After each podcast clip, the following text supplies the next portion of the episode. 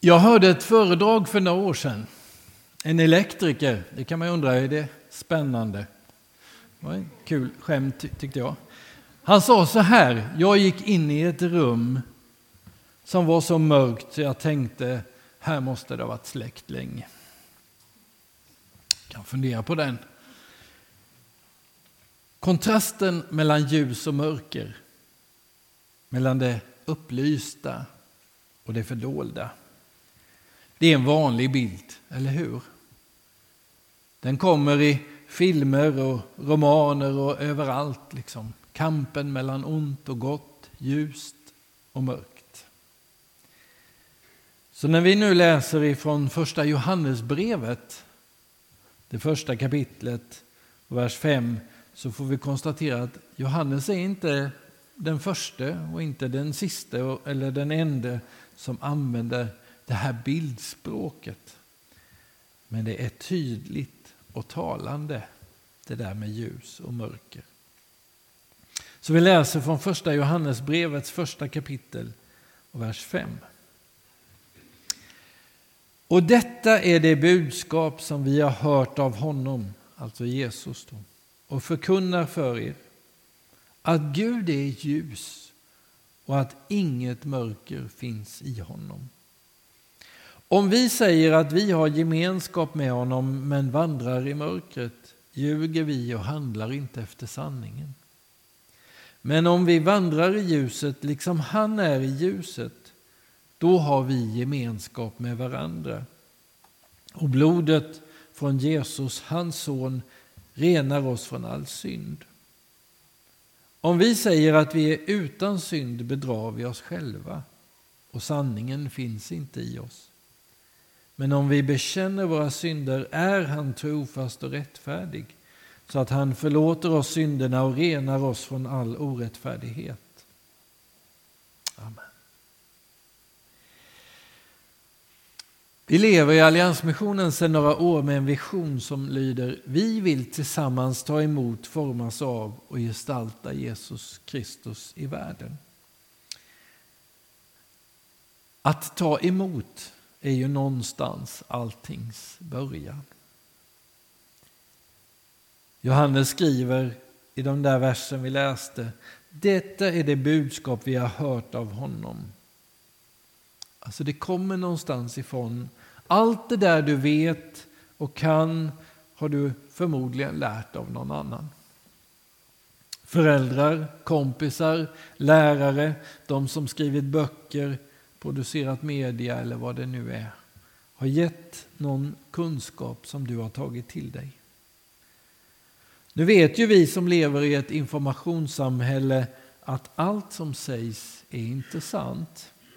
Fake news har ju blivit ett sånt här superkänt begrepp, eller hur? Falska nyheter. Vad är det egentligen som sägs? Och nu med AI som väller över oss så får vi väl vara ännu mer försiktiga. Vad är det egentligen som sägs? Alla nyheter som sprids är inte sanna. Alla mejl kan man inte klicka på. Och sådär. Det här gäller ju också alla påståenden om Gud. Allt som sägs om Gud är inte heller sant. Man måste fundera och vara källkritisk också där. Var kommer det ifrån, det du säger? Nu för tiden så säger vi ofta så här, lita på ditt hjärta. Va? Lita på det du känner. Känslor är ju lurigt, tänker jag.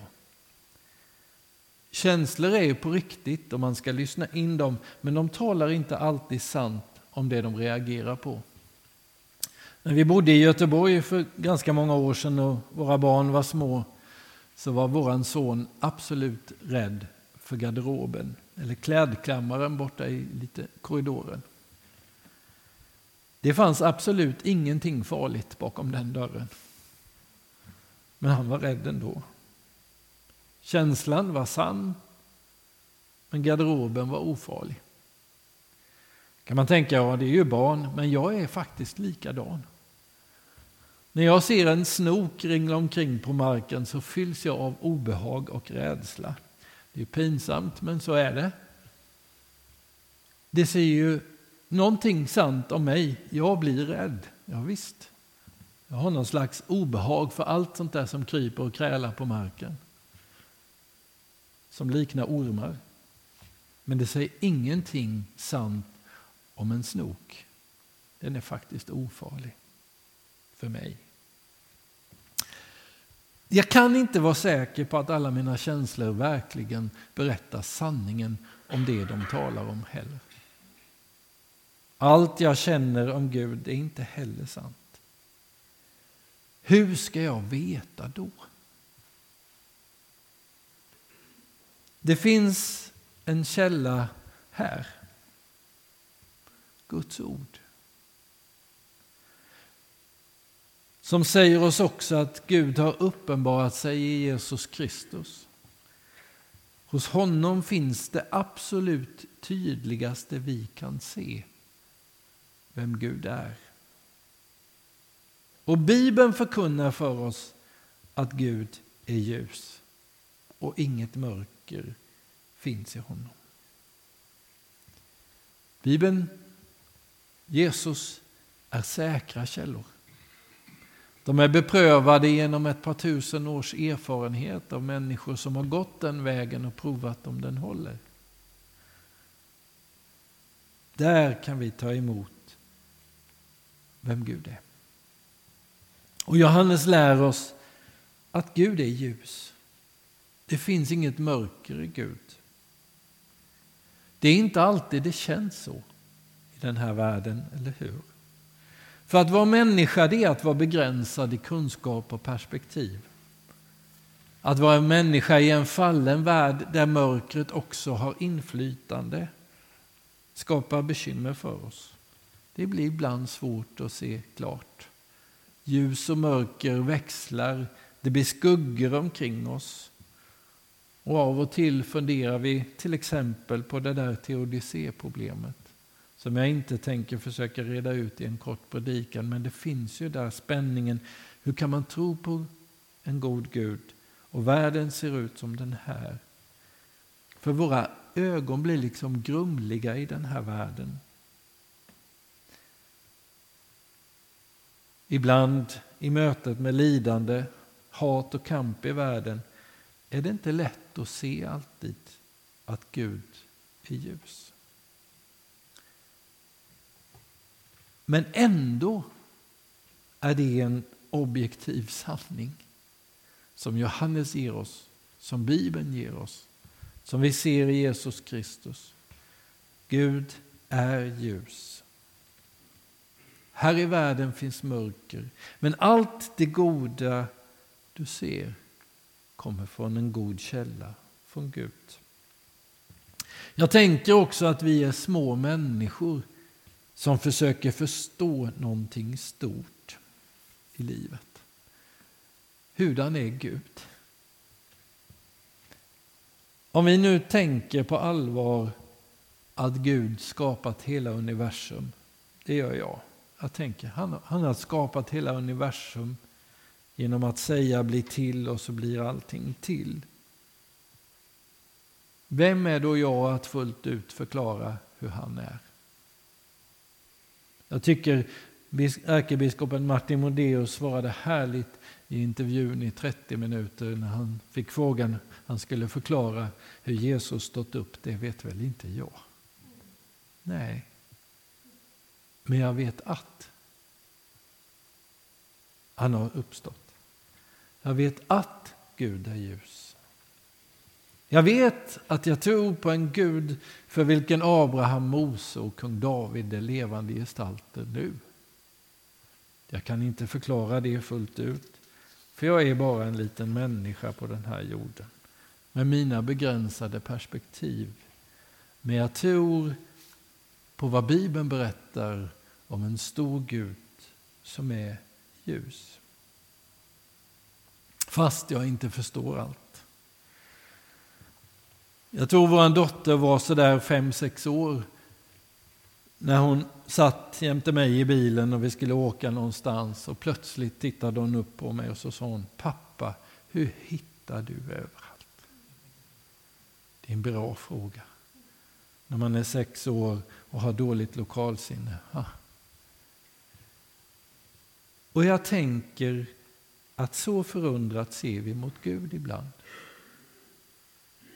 Hur kan du räcka till för allt och alla?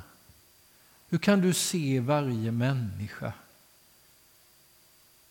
Till och med ha reda på hårstråna på oss. Jag begriper det inte, men jag tror det. För det finns en säker källa som talar om för mig att så är det. Gud är ljus. Inget mörker bor i honom. Han är källan till allt gott. Han ser dig, men också alla andra i den här världen. Det får vi ta emot och låta forma oss. Vår bild av vem Gud är och vilka vi är. Johannes manar oss också att vandra i ljuset. Vad kan det innebära? kan man ju fundera på. Jag tänker att det innebär att se på Jesus och utifrån honom se på våra liv. Att försöka följa honom. Att läsa Guds ord och låta det belysa våra liv. Och att vara ärliga inför oss själva och andra. Nu vet jag av egen erfarenhet att det där kan kännas lite skrämmande, eller hur? Ljus har ju någon effekt också, att det avslöjar hur det ligger till. Jag ska bekänna att jag tycker det är rätt skönt att bjuda hem folk till vårt hem på vinterkvällar. Då kan man tända lite mysbelysning och en liten brasa där i kaminen. Så syns det inte hur dammigt det är. Va? Eller att fönstren inte är putsade sedan i augusti förra året. Det gör ju ingenting. Nu kommer vårsolen, mina vänner. Nu kommer ljuset. Och jag ser mina oputsade fönster, dammet och allt det där. Ljus avslöjar. Jag undrar hur många människor jag har samtalat med under alla mina år som pastor som har sagt så här ungefär. Ja men du Ulf, om folk bara visste hur det är egentligen. Vad skulle de tänka då? Vad skulle de säga då om mig? Det är många. Många som har tänkt, men jag vill inte bli avslöjad. Tänk om det kommer ut på något sätt. Det de har berättat har sällan varit så farligt egentligen. Utan sånt som vi alla kämpar med. Vår djupaste rädsla avslöjar sig där. För tänk om de får veta, då blir jag ensam. Då blir jag nog förkastad. Tänk, då duger jag nog inte som jag är. En del av oss bär med det också i mötet med Gud. Nej, men tänk, ska jag, ska jag bekänna för Gud? Och rädslan binder oss. För det är ju det. När vi försöker dölja de där såren då, då får vi ju hålla någon slags fasad och ett låtsasspel. Det är det som är skönt med goda vänner, riktigt goda vänner. De tål ju dammet och sprickorna. Gud tål dammet och sprickorna. Harry vet redan om det, för han är ljus. Han har sett allt. Vi behöver inte oroligt dölja oss för honom. För han ser på dig med de där kärlekens ögon. Nåden som vi hörde om i sången. Allt det där som du sjöng om. Gud ser dig. Och det är okej. Okay, för han älskar det han ser. Även om det finns brister där så älskar han det han ser och är beredd att möta dig med nåden. I det finns en oerhörd befrielse, tänker jag. Avslöjandet kan ju ge skamkänslor, skuldkänslor, men det kan också vara befrielse. Tänk, jag behöver inte hålla på några hemligheter. Inte måla fasaderna inför Gud. Allt är redan känt. Och så tänker vi, vad händer nu? Och då säger Johannes så här. Om vi bekänner våra synder är Gud trofast och rättfärdig så att han förlåter oss synderna och renar oss från all orättfärdighet. Guds reaktion är inte den vi är rädda för. Att förkastas, att inte duga. Guds reaktion på en bekännelse är att komma med nåd. Förlåtelse. Upprättelse. Han möter oss genom korset där Jesus gav sitt liv för allt det där som spricker. Han har tagit det på sig. Och du kan bli befriad i det ljuset. Och du är älskad bortom alla dina prestationer och dina framgångar och motgångar och gåvor och brister. Fri, förlåten kan du få gå. Visst är det fantastiskt?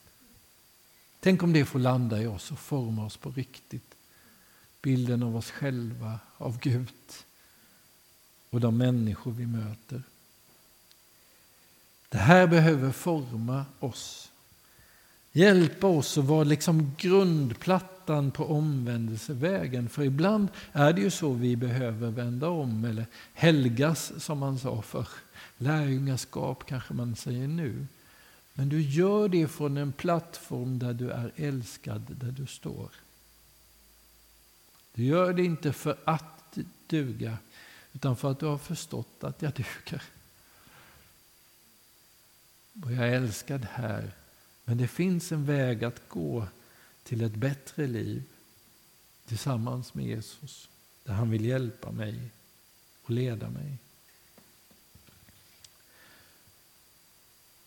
Att låta sig förvandlas. Det här budskapet tror jag har med evangelisation att göra också. Om vi vänder blicken ut mot vår omvärld. Jag vet inte vad du tänker om den plats vi är på nu, Norra Hammar. Vacker plats, härliga branter, lite dåligt med sol ibland tror jag. För en del som bor i skuggsidan. Men det är vackert här. Här bor många människor. Jag tänker att det bland dina grannar här i dalen finns de som säger och tänker precis det som en av mina vänner fick höra från en av sina grannar någon annanstans. Du har det bra du, som har någon som kan förlåta dig. Men vem ska förlåta mig? Jag tror den frågan lever hos många. Är jag älskad? Finns det nåd för mig? De som lever och tänker, tänk om jag blir avslöjad, vad ska de säga då? Kan Gud verkligen bry sig om en sån som mig? Jag tror de bor jämte dig. Jag tror att vi behöver gå till dem. Hitta vägar att gestalta Jesus Kristus för dem. Att berätta. Det finns en som ser. Det finns en som är ljus och som vill lysa upp ditt liv. Det finns någon som vill förlåta dig och möta dig. Jag tror vi behöver bli frimodigare i att dela de goda nyheterna. På de sätt vi har provat förut och på nya sätt. Och inte minst där vi finns och är i den vardag vi finns i. Jag tänker också att om vi lyfter blicken lite och ser ut över vårt land så ser vi att mörkret är aktivt. Jag hör många som är rädda nu Man lyssnar till det här om gängskjutningar, om växande köer till soppköken, om allt fler hemlösa. Det är ganska mycket dåliga nyheter vi hör. Och jag hör att en del blir rädda för den världen. Säger det är bäst att inte gå ut. Jag tror precis tvärtom. Vi behöver gå ut nu. Vi lever i ett Sverige som behöver Guds ljus. Som behöver den kärleken och det hoppet. Tillsammans gör vi sådana initiativ i Skarpnäck och Älta och Båstad och Laholm. Förslöv och Kärrtorp och Rosengård pågår nu. De andra platserna finns det nu församlingar på. Jag tror vi behöver plantera fler församlingar i vårt land. Ta fler missionella initiativ. Enskilda personer som de i Malmö som har flyttat dit och jobbar där. Församlingsinitiativ som det på Strandängen i Jönköping där flera församlingar nu hjälps åt. Försöker starta ett arbete. Det här landet behöver oss. Det behöver Guds ljus. Det är inte tid att gå in och vara rädd. Det är tid att fatta mod och gå ut. En blick ut över världen i stort visar ju också att mörkret är aktivt i den. Och vi drar oss tillbaks, nu ska jag vara lite provocerande. När världen går åt fel håll, då sparar inte bara Sverige utan många andra länder och säger nej, biståndet kan inte vara en procent. Nu ska vi spara. Vi ska spara på allt möjligt sånt. Och så ska vi bygga försvar. Och jag vill inte gå in i alla de bitarna och säga att det är inte bra med försvar eller något sånt. Jag tror inte man ska tänka så. Men jag tänker så här. Tror vi att det är vägen mot en tryggare värld?